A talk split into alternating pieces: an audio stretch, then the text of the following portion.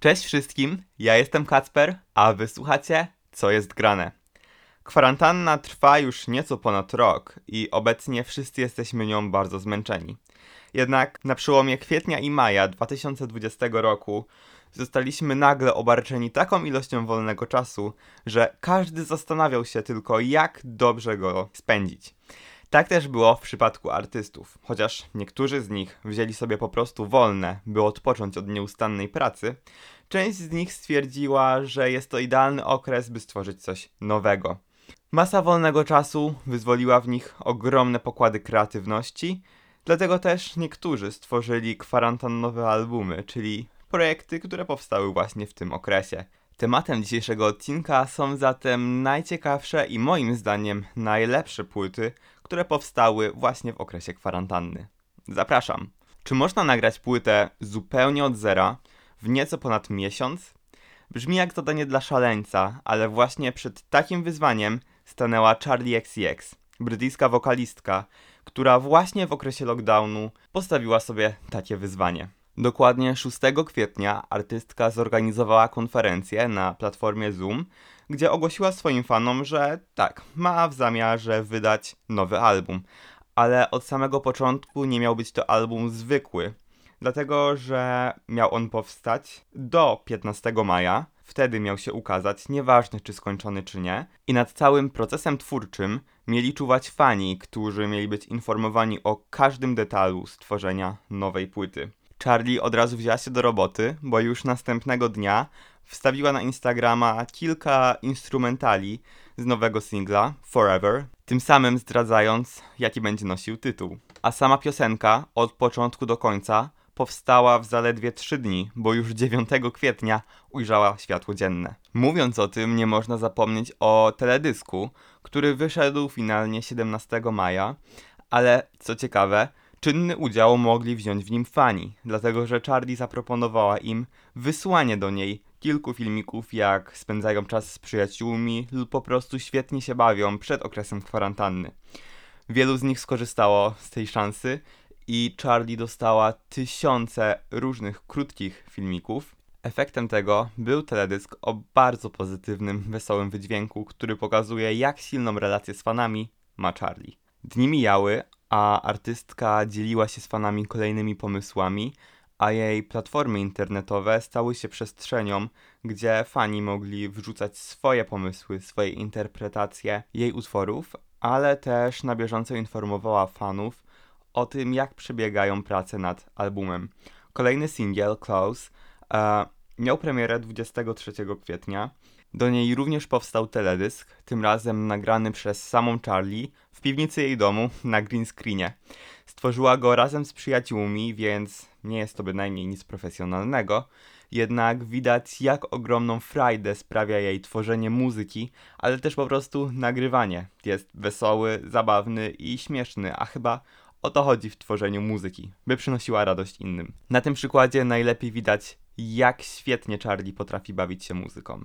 Dokładnie dwa dni przed premierą albumu, bo 13 maja, została finalnie ogłoszona tracklista z oficjalnymi tytułami piosenek. Wcześniejsze wersje robocze trochę różniły się od tego, co dostaliśmy w maju, jednak były to zmiany kosmetyczne.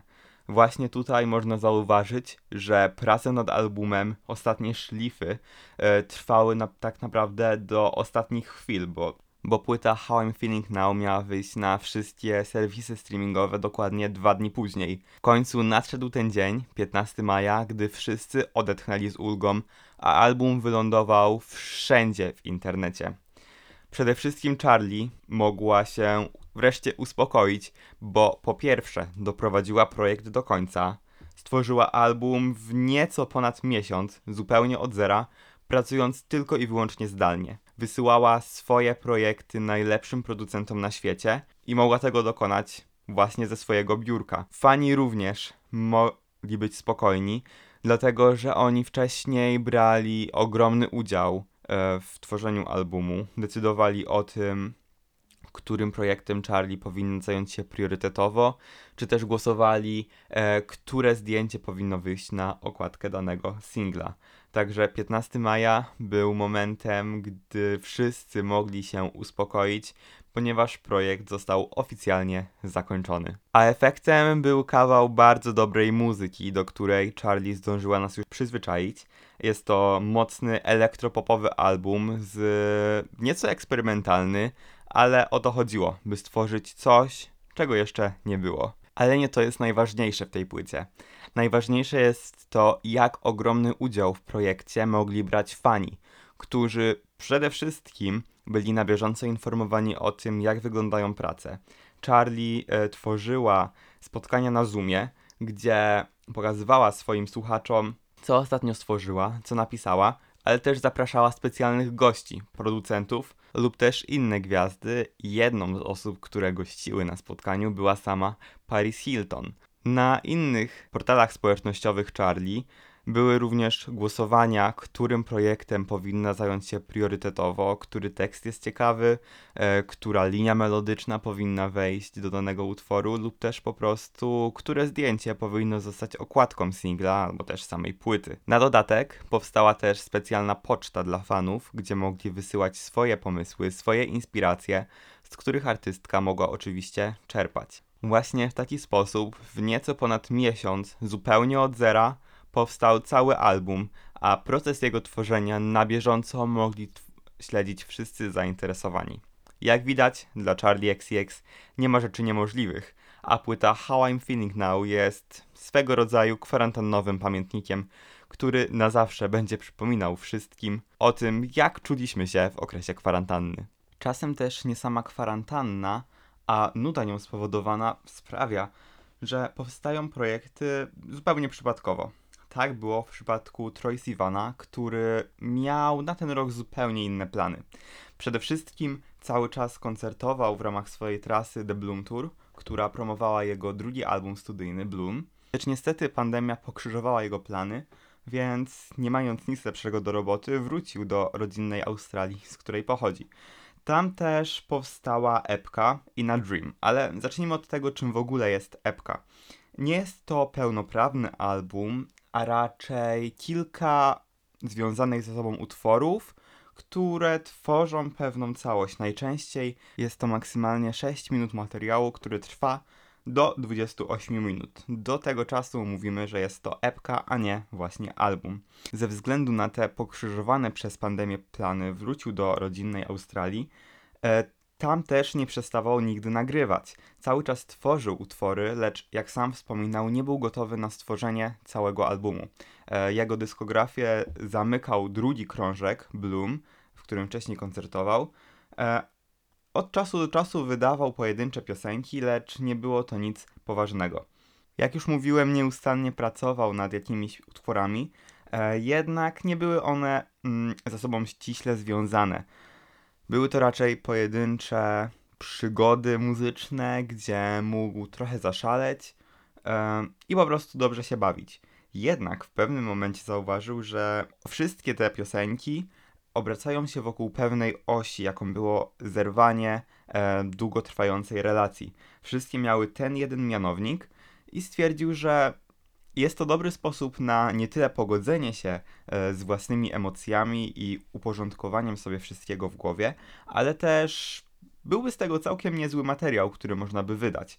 Jak pomyślał, tak też zrobił i już w kwietniu wyszedł pierwszy singiel Take Yourself Home, który jeszcze nie mówi o zerwaniu jako tako, ale bardziej o emocjach oraz uczuciach, które towarzyszyły mu przy powrocie do Australii. E, Troy Sivan jest e, rodowitym Australijczykiem, mm, lecz większość czasu, no od wielu lat mieszka w Stanach Zjednoczonych, e, więc powrót na dłuższy czas do domu był nowym doświadczeniem, które skutkowało wydzielaniem wielu nostalgicznych, melancholijnych emocji, które właśnie widać w tym utworze, który jest spokojny, nastrojowy i po prostu dobrze się go słucha.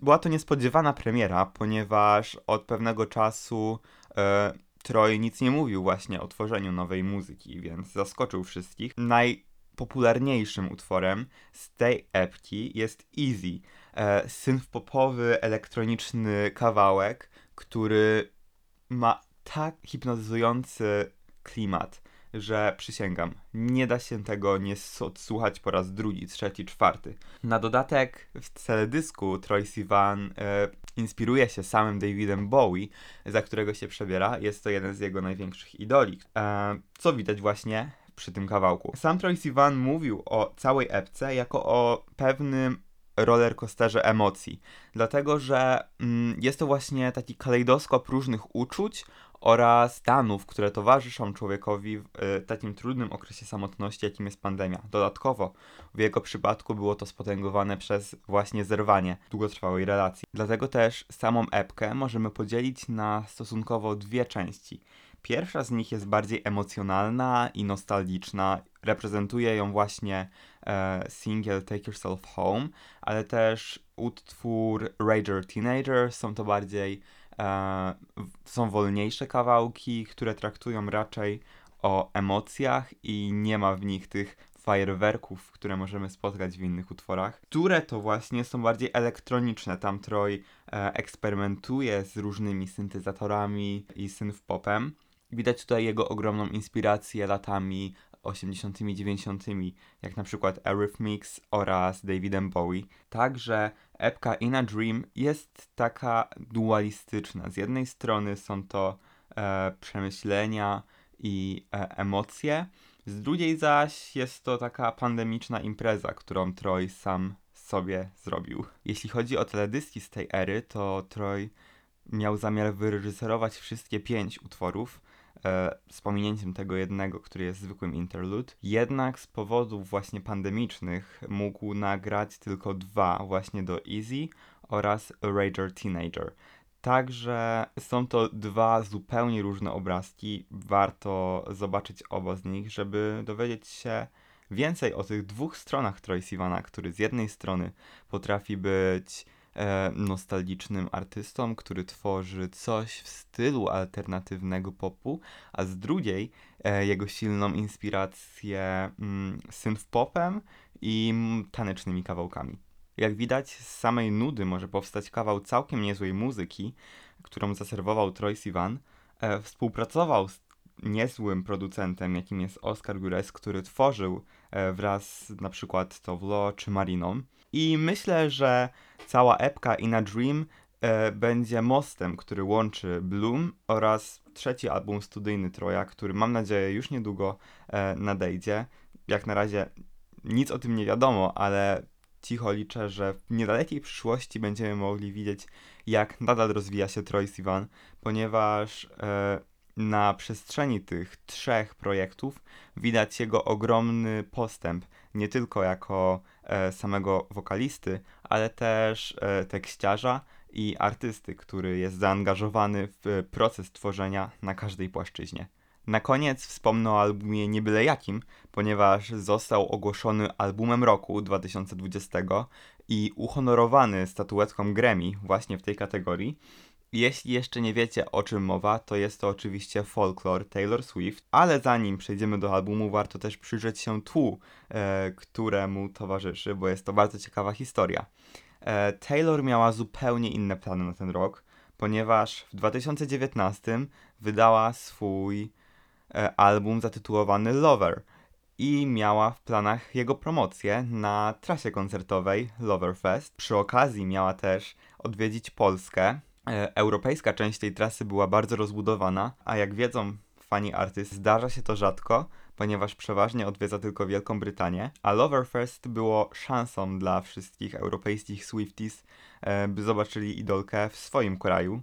Tak też w Polsce miała wystąpić na Openerze. Jednak przyszła pandemia i cała trasa musiała zostać odwołana. Przez zamknięcie w domu Taylor, jak wspominała, otoczyła się różnymi książkami, filmami, e, mogła nadrobić wszystkie rzeczy, na które nie miała czasu podczas e, tworzenia, promocji, koncertowania. I w jej domu powstało też studio, także nie musiała wychodzić poza próg swojego pokoju, by nagrywać nowe piosenki. Współpracowała tutaj z Jackiem Antonoffem i Aaronem Dessnerem, którym to na bieżąco przesyłała efekty swojej pracy. Oni też wysyłali swoje poprawione wersje ze szlifami, odpowiadali głównie za muzykę. Co zabawne, Dopiero we wrześniu spotkali się na żywo, ponieważ wcześniej pracowali tylko i wyłącznie zdalnie. E, spotkali się przy okazji kręcenia specjalnego filmu dla serwisu e, Disney Plus, gdzie nagrywa, nagrywali i po raz pierwszy wystąpili z wersjami live wszystkich piosenek e, z folklore. Przy okazji opowiadali o procesie twórczym oraz też o historii, bo za każdą piosenką kryje się pewna historia. E, z Jackiem Antonoffem Taylor miała już przyjemność współpracować wcześniej. Odpowiada on choćby za hit Out of the Woods z płyty 1999 albo Getaway Car z Reputation. Jest on też znany z kolaboracji z Lanon Del Rey czy Lord, także jest to naprawdę wspaniały, ceniony producent, który odpowiada za wiele. Jeśli chodzi o płytę Folklore, sama Taylor podkreśliła, że jest to zbiór historii, e, które przepływały przez jej wyobraźnię niczym strumień, ponieważ po raz pierwszy możemy poznać Taylor od tej drugiej strony, kiedy nie opowiada o swoich własnych uczuciach, ale opisuje różne historie, niekoniecznie prawdziwe, często wymyślone. Jednak e, to, że Taylor Swift jest wspaniałą tekściarką, jest chyba powszechnie wiadome, ale to na tej płycie osiągnęła apogeum swoich umiejętności pisarskich, ponieważ jej słowa są magiczne, poetyckie, a sama płyta przypomina właśnie raczej poezję śpiewaną niżeli album muzyczny. Wydanie Folklore było dla fanów ogromną niespodzianką, ponieważ po pierwsze nikt nie spodziewał się tego, że będzie pracowała nad nową muzyką. Większość osób myślało, że czas pandemii spędzi na swoich re-recordings, czyli e, nagrywaniu swoich pięciu pierwszych albumów od nowa, by mieć do nich wszystkie prawa. Lecz właśnie zaskoczyła wszystkich i stworzyła cały nowy album, który zapowiedziała dokładnie 16 godzin przed premierą. 23 e, lipca wstawiła na swój Instagram zdjęcie z okładką, gdzie napisała, że okres pandemii wpłynął na nią tak mocno, że zdecydowała się nagrać cały album i przy okazji wychodzi on dokładnie o północy czasu lokalnego. Także nie było żadnej promocji, nie miał czasu na przygotowanie żadnych materiałów promocyjnych, ponieważ sama wytwórnia do ostatnich chwil nie wiedziała, że Taylor ma takie plany. Dopiero kiedy skończyła e, nagrywanie wszystkich kawałków i dosłownie wszystko przygotowała sama, e, poszła z tym do wytwórni, by po prostu mieć za sobą te wszystkie formalności i by album mógł zostać w normalny sposób wydany. To było pierwsze zaskoczenie. Drugie przyszło wtedy, gdy wszyscy odsłuchali ten album, ponieważ Taylor pokazała na nim już swoją trzecią twarz.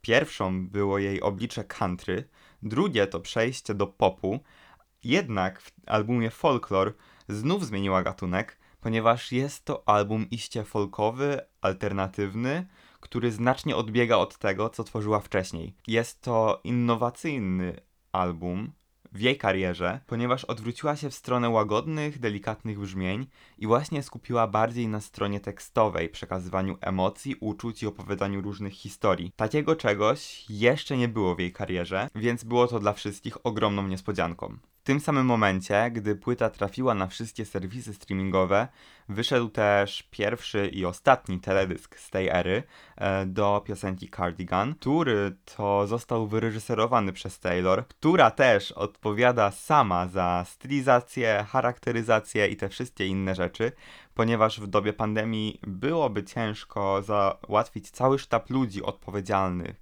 za wszystkie e, szczegóły.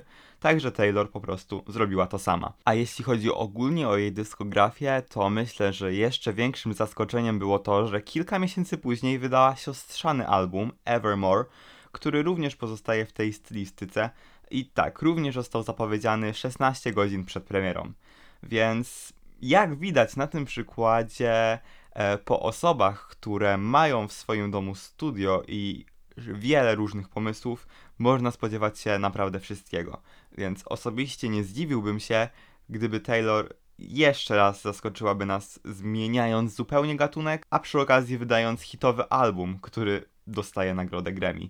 Oczywiście takich pandemicznych albumów jest wiele więcej, ponieważ 2020 rok stoi nie tylko pod szyldem koronawirusa, ale też wielu świetnych kawałków. Jednak skupiłem się na tych trzech, które moim zdaniem e, mają jakieś ciekawe tło, historię i powstały tak naprawdę przez przypadek. To je łączy. Nie były wcześniej planowane, a powstały zupełnie przypadkowo właśnie przez pandemię, która w tym przypadku miała na nich bardzo dobry wpływ, ponieważ dostaliśmy trzy hitowe albumy.